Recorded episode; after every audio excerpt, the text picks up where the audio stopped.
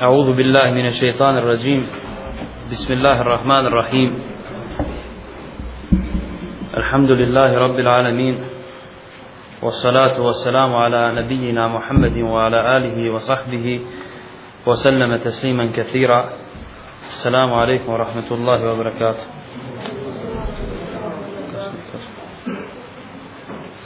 Prvo predanje, hadis profesor Selvad Haskić Boj. أعوذ بالله من الشيطان الرجيم. بسم الله الرحمن الرحيم. الحمد لله رب العالمين والصلاة والسلام على أشرف الأنبياء والمرسلين نبينا محمد وعلى آله وصحبه أجمعين والذين اتبعوهم بإحسان الله يوم الدين. رضوان الله عليهم وعلينا أجمعين. أما بعد Hvala Allahu uzvišenom stvoritelju i neka je salavat i salam na njegovog miljenika Muhammeda sallallahu alaihi wa sallam i neka je salavat i salam na poslaniku u častnom porodicu njegove ashabe i sve one koji slijede čineći dobro do sudnjih dana.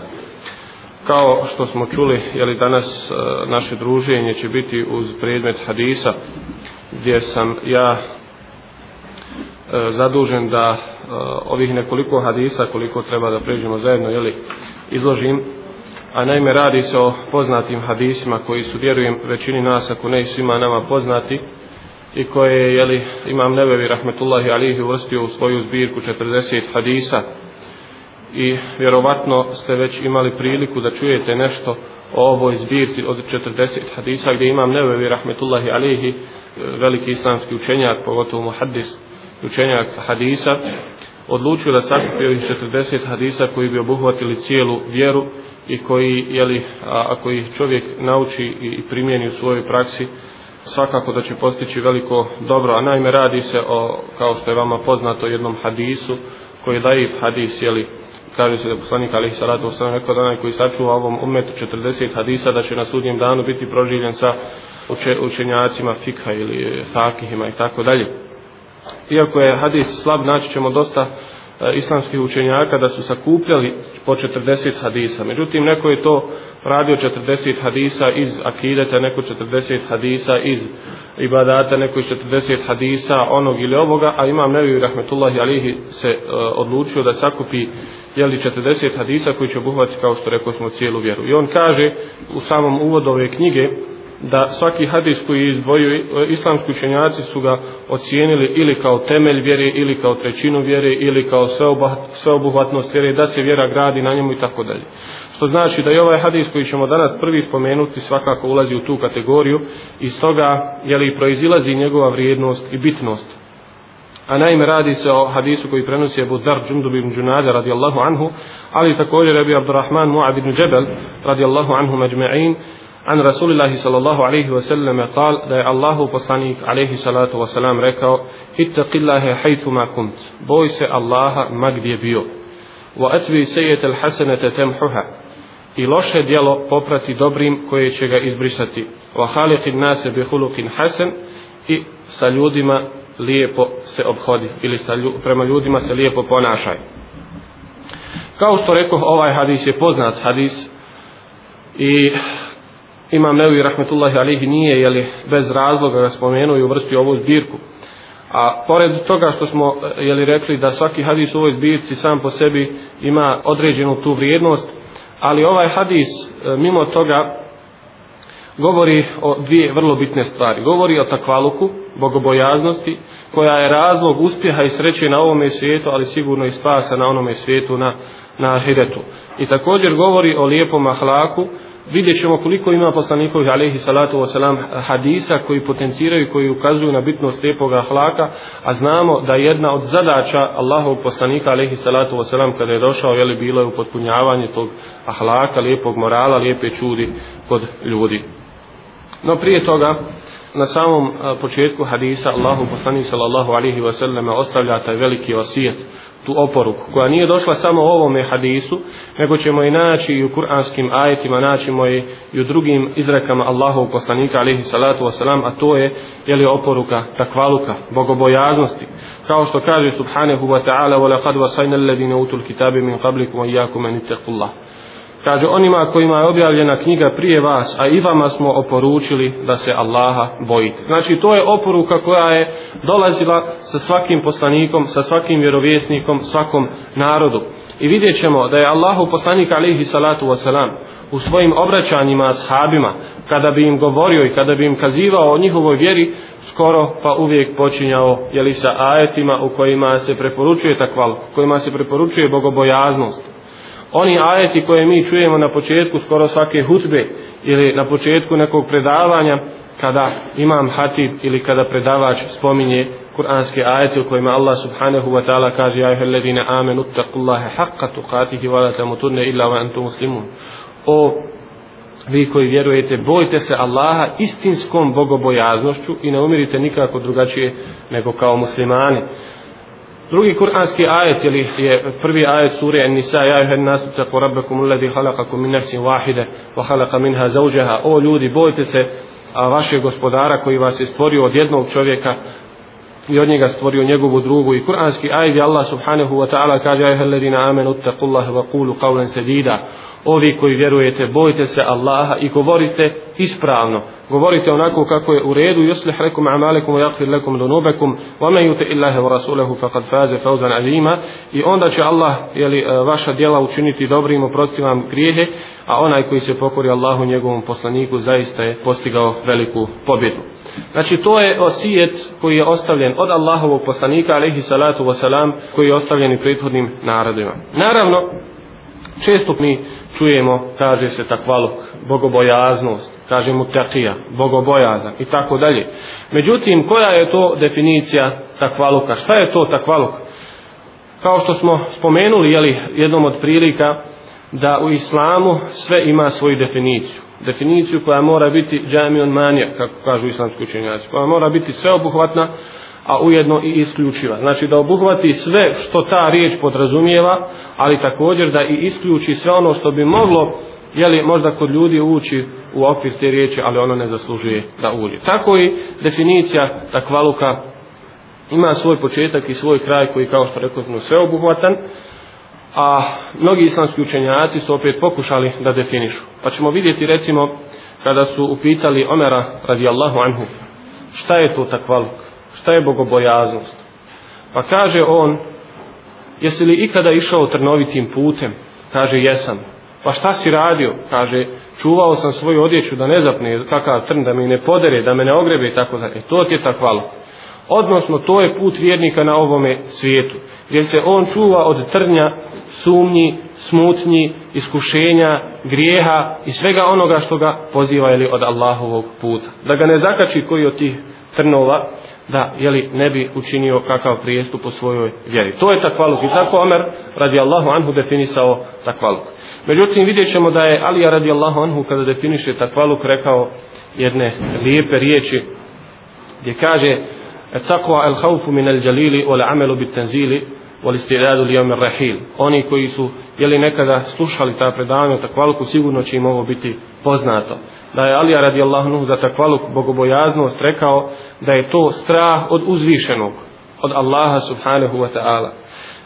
Dalje, druga stvar koju je spomenuo, el amelu bit tenzil ili rad po objavi, po Kur'anu i po sunnetu. I treća stvar koju je spomenuo, el isti'adadu li omir rahil, priprema za dan odlaska, odnosno priprema za smrt i za ono što slijedi poslije smrti. I čovjek, vjernik, kao što reče Alija radijallahu, ako ispuni ove tri stvari, on je mutekija i on je bogobojazan. Ako se budeš bojao Allaha subhanahu wa ta'ala, svoga stvoritelja, a onaj koga spozna, on će ga se i bojati, ali će se u isto vrijeme i njemu i nadati. Dalje, rad po objavi. I zaista vijenik nema drugo, druge alternative osim da radi po objavi, odnosno Kur'anu i sunnetu. Jer kao što je poznato i sunnet Allahovog poslanika, alaihi salatu wasalam, je dio objave, dio vahja. I treća stvar je li priprema za smrt i ono što slijedi posle smrti, što je svakako bitno i naći ćemo mnoge kuranske ajete i mnoge hadise Allahovog poslanika alaihi salatu wasalam koji su to spomenuli. Također ćemo vidjeti da su neki jeli definisali takvaluk kaže en yuta'a fala yu'sa wa yudhakkar wa yudhkar fala yunsa wa yushkar fala yufar da mu se bude pokorno a nikako griješno kaže da se spominje, a ne da se zaboravlja i da mu se zahvaljuje, a ne da se nijeće, odnosno da se nijeću njegove blagodati. Ovdje se opet spominju tri stvari. Pokornost nasuprot griješenja. Spominjanje nasuprot zaborava, zahvaljivanje nasuprot nijekanja. U ove tri stvari po ovima je sadržan takvam. Međutim, Ibn Rajab el-Hambeli, rahmetullahi alihi, poznati islamski učenjak, kada prilazi svim ovim definicijama i pokušava ih objediniti i sjediniti, on dolazi sa jednom definicijom koja se jeli često spominje kao glavna ili ona koja je možda, hajdemo reći, najpreća da se spomene. A u stvari o čemu se radi? Radi se o tome da on spaja jezičko značenje riječi takvaluk i sve ove definicije koje su kazane. Takvaluk, et takva, dolazi od glagola vaka, uh, vaka jaki, što znači zaštiti, zaštititi se. Vikajetun je zaštita.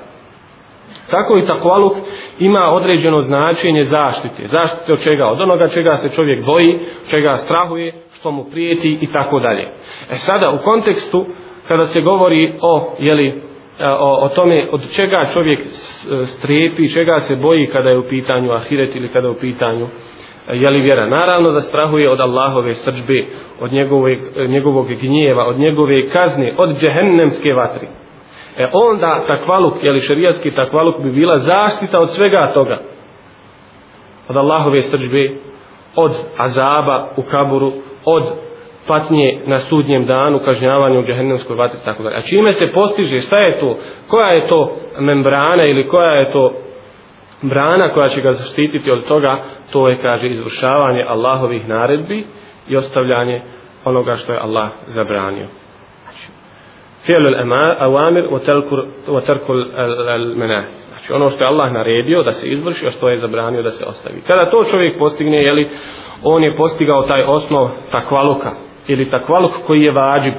Jer postoji takvaluk koji je vađib, obaveza svakom čovjeku, a to je znači da se izvrši onaj vađib i farz koji je naređen, kao što je pet vakata namaza, farzovi, kao što je post mjeseca Ramazana, davanje zakata, onaj koji ispuni uvjete za to, obavljanje hađa, onaj koji ispuni uvjete za to i tako dalje. Znači sve su to farzovi pored ostalih koji se moraju izvršiti, ulaze u, ta, u taj e, obavezni dio takvaluka i bogobojaznosti. A druga strana je znači ostavljanje ono što je zabranjeno. Bilo da se radi o alkoholu, bilo da se radi o kocki, bilo da se radi o blu, zinaluku, laži, prevari i tako dalje. Znači sve te stvari je čovjek dužan jeli, da izvrši da bi ispunio tu obaveznu takvaluku. A onda posle toga dolazi onaj takvaluk kojim se postiže taj visoki stepen ili e, potpuni iman kada čovjek izvršava mustehabate, stvari koje su pohvaljene, za koje ima nagradu, ako ih učini, ako ih ostavi, neće biti ni kažnjen, jeli, e, ovaj, niti će naravno biti e, nagrađen, ali po nekima kaže da služuje prijekor ili ukor zašto je ostavio ono što je poslanik alaihi salatu wasalam označio ili ocijenio kao pohvalno i nešto što treba činiti. E onda pogotovo ako čovjek i od stvari koje su mu ubah, dozvoljene. Ili to je kategorija koju čovjek niti ima nagradu niti kaznu. Svejedno činio ili ne činio kao što je spavanje kao što je jelo kao što je kao što su neke druge radnje znači za koji čovjek nema nagrade. Ali ako ih on svojim nijetom i svojom namjerom pretvori u ibadete e onda je li to taj mutetija ili bogobojazni insan koji je zaista postigao visoki stepen. To je znači ta definicija takvaluka kao što smo vidjeli Omer radijallahu imao svoju definiciju Alija radijallahu još neki od islamskih učenjaka Ibn Ređeb dolazi jeli, sa ovom definicijom gdje kaže da je to zaštita od Allahove kazne tako što će čovjek činiti naredbe a ostavljati zabrane. Znači to je ta jeli, definicija. U kuranskim e, i hadijskim tekstovima vidjet ćemo da jeli, e, to kada Allah subhanahu wa ta'ala kaže bojte se dolazi poslije toga nešto čega se treba bojati. I vidjet ćemo da se kaže ili bojte se Allaha, što bi onda podrazumijevalo bojte se Allahove srđbe i njegove kazne. A nekada se konkretno spominje čega se treba bojati, pa kaže se bojte se vatri. Ili bojte se dana na kojeg ćete biti proživljeni. Znači gdje se jasno misli je li na džehennem ili na sudnji, na sudnji dan. Dalje, sam takvaluk ima i svoje vrijednosti i svoje fadilete koji se očituju čak i na ovome svijetu, na Dunjaluku. Ali naravno e, prije e, toga i poslije toga na Ahiretu što je svakako i cilj i, i konačnica svakog čovjeka i svakog insana, a vijenik jeli, želi, želi da postigne što bolje mjesto u džennetu ili na Ahiretu. Tako je i prva odlika ili vrijednost takvaluka upravo što je takvaluk put do dženneta I kaže Allah subhanahu wa ta'ala tilka džennetu leti nurituha min ibadina men kane taqija. To je džennet koji ćemo ostaviti ili dati u nasljedstvo onim našim robovima koji budu bogobojazni. Men kane taqija. Znači, ko ispuni taj takvaluk kojem smo govorili i definisali, jeli on će imati za nasljedstvo džennet. Dalje, takvaluk je razlog ili put do Allahove ljubavi. I kažem, draga braćo, cijenine sestre, ono što svaki vjernik želi jeste da ga njegov gospodar zavoli. Jedno je kada ti voliš Allaha subhanahu wa ta'ala i kada to osjećaš u svome srcu.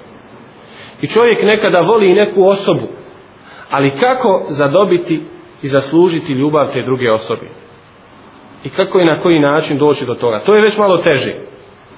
I nekada nama je poznat u našoj svakodnevnici, neko nam je simpatičan i želimo jeli, da i mi njemu budemo simpatični. Ali bez obzira koliko mi činili, koliko mu se pokušali približiti, uvijek osjeća, osjećamo neku barijeru i čak nekada što smo mi ljubazniji, sve osjećamo veći, veću odbojnost sa druge strane. Tako isto, neka se neko ne zavarava ako on recimo osjeća da voli Allaha subhanahu wa ta'ala, da u isto vrijeme Allah subhanahu wa ta'ala i njega voli. Ne, nego mora, moraju se ispuniti putevi jeli, ili razlozi, uzroci, pa da nas Allah subhanahu wa ta'ala zavoli. A takvaluk je jedan od najvećih uzroka toga kao što kaže subhanahu wa ta'ala bel men aufa bi ahdihi wa taqa fa inna Allahi yuhibbul muttaqin. Nego onaj koji ispuni ono što je zašto je se zavjetovao i koji se Allaha bude bojao, a Allah zaista voli bogobojazne. Znači to je put do Allahove ljubosti. Sljedeći fadilet ili vrijednost takvaluka jeste da Allah subhanahu wa ta'ala otvara beričet ili mu tekijama daje beričet i nebesa i zemlji. Kao što kaže وَلَوْ أَنَّ أَهْلَ الْقُرَى آمَنُوا وَاتَّقَوْا لَفَتَحْنَا عَلِيهِمْ بَرَكَاتِ مِنَ السَّمَاءِ وَالْأَرْضِ Kaže da su se stanovnici sela ili gradova da su oni vjerovali i da su se bojali kaže mi bismo im dali beričet i sa nebesa i sa zemlje kaže Allah fetahna otvorili bismo taj beričet i zaista mu tekija bogobojazan insan koji je onim svojim punim jeli, e, srcem, on će to osjetiti na sebi. Nekada on ne mora imati veliko imanje, ne mora imati mnogo jeli, novca i sredstava i tako dalje, ali će čak i ono malo koje ima osjetiti veliki bričet. I nekada čovjek i ovako, jeli, kada zaradi nekih deset maraka koji su na halal način, ono baš što se kaže na halal način, on vidi da nekada puno više postigne sa njima. On i ništa više, jeli, deset je deset cijene su iste i tako dalje, ali nekako Allah subhanahu wa ta'ala je li da taj beričet. Pogotovo kada se radi o mutekijama, imaju i beričet, znači i u tom imetku, i u svojoj porodici, i u svojoj kući, i u svome životu, i tako dalje. I taj beričet se stalno povećava.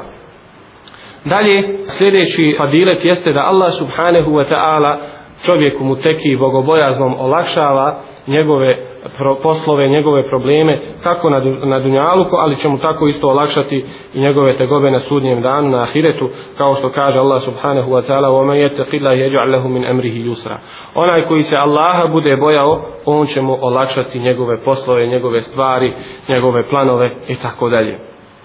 I na kraju, i najveći fadilet jeste što Allah subhanahu wa ta'ala kaže da u stvari konačnica ili taj završetak pripada bogobojaznim. Pripada im i na dunjaluku, ali sigurno i na ahiretu wal ahibetu lil muttaqin, kao što kaže subhanahu wa ta'ala i sigurno će na kraju bogobojazni uspjeti. Ono što poslanik sallallahu alaihi wa sallam preporučuje u ovome hadisu jeste da se boji Allaha subhanahu wa ta'ala ma gdje bio nevezano za vrijeme i za prostor, znači čovjeku vjerniku je naređena bogobojaznost. Međutim, ovdje se želi reći i potencirati na tome da onda kada je sam, kada ga ljudi ne vide, kada je izolovan, da onda pokaže svoj takvaluk i svoju bogobojaznost.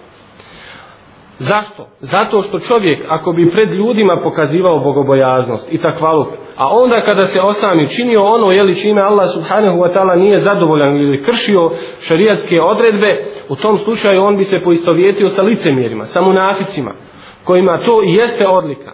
Znači kada su među muslimanima, oni se jeli, e, manifestuju ili prezentiraju kao vjernici, kao klanjači, musalije i tako dalje. Međutim, kada se osame, onda jeli, oni čine ono što je suprotno e, islamu. Naravno, ovdje se mora napraviti razlika između nifaka ili licemjera koji je licemjer u ubjeđenju, etikadu, koji naravno izvodi iz vjere i onog drugog nifaka ili licemjera koji je licemjerstvo u dijelu, koji ne izvodi iz vjere islama, ali je li čovjeka e, uvrštava u velike griješnike i time biva jeli, grešan kod Allaha subhanahu wa ta'ala. Jer Allah subhanahu wa ta'ala kada govori o, muna, o munaficima kaže jestahfune mine nasi ola jestahfune mine Allah.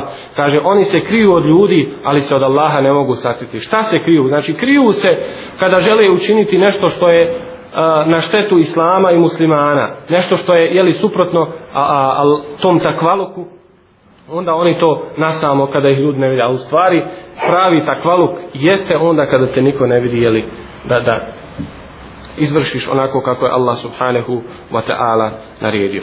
Kaže dalje Allahu poslanik sallallahu alaihi wa sallame e, wa atbi se etel hasanete kaže i loše dijelo poprati dobrim koji će ga izbrisati ali to ćemo jeli ostaviti za idući put. Moleći Allaha subhanahu wa ta'ala da vas nagradi za vaše strpljenje i da ono što smo rekli bude na vagi dobrih dijela na sudnjem danu, na našoj vagi dobrih dijela i molim ga subhanahu wa ta'ala da nam oprosti grijehe i da nas uvede u džennet. Aqulu qavli hada wa astaghfirullaha li wa lakum fastaghfiruhu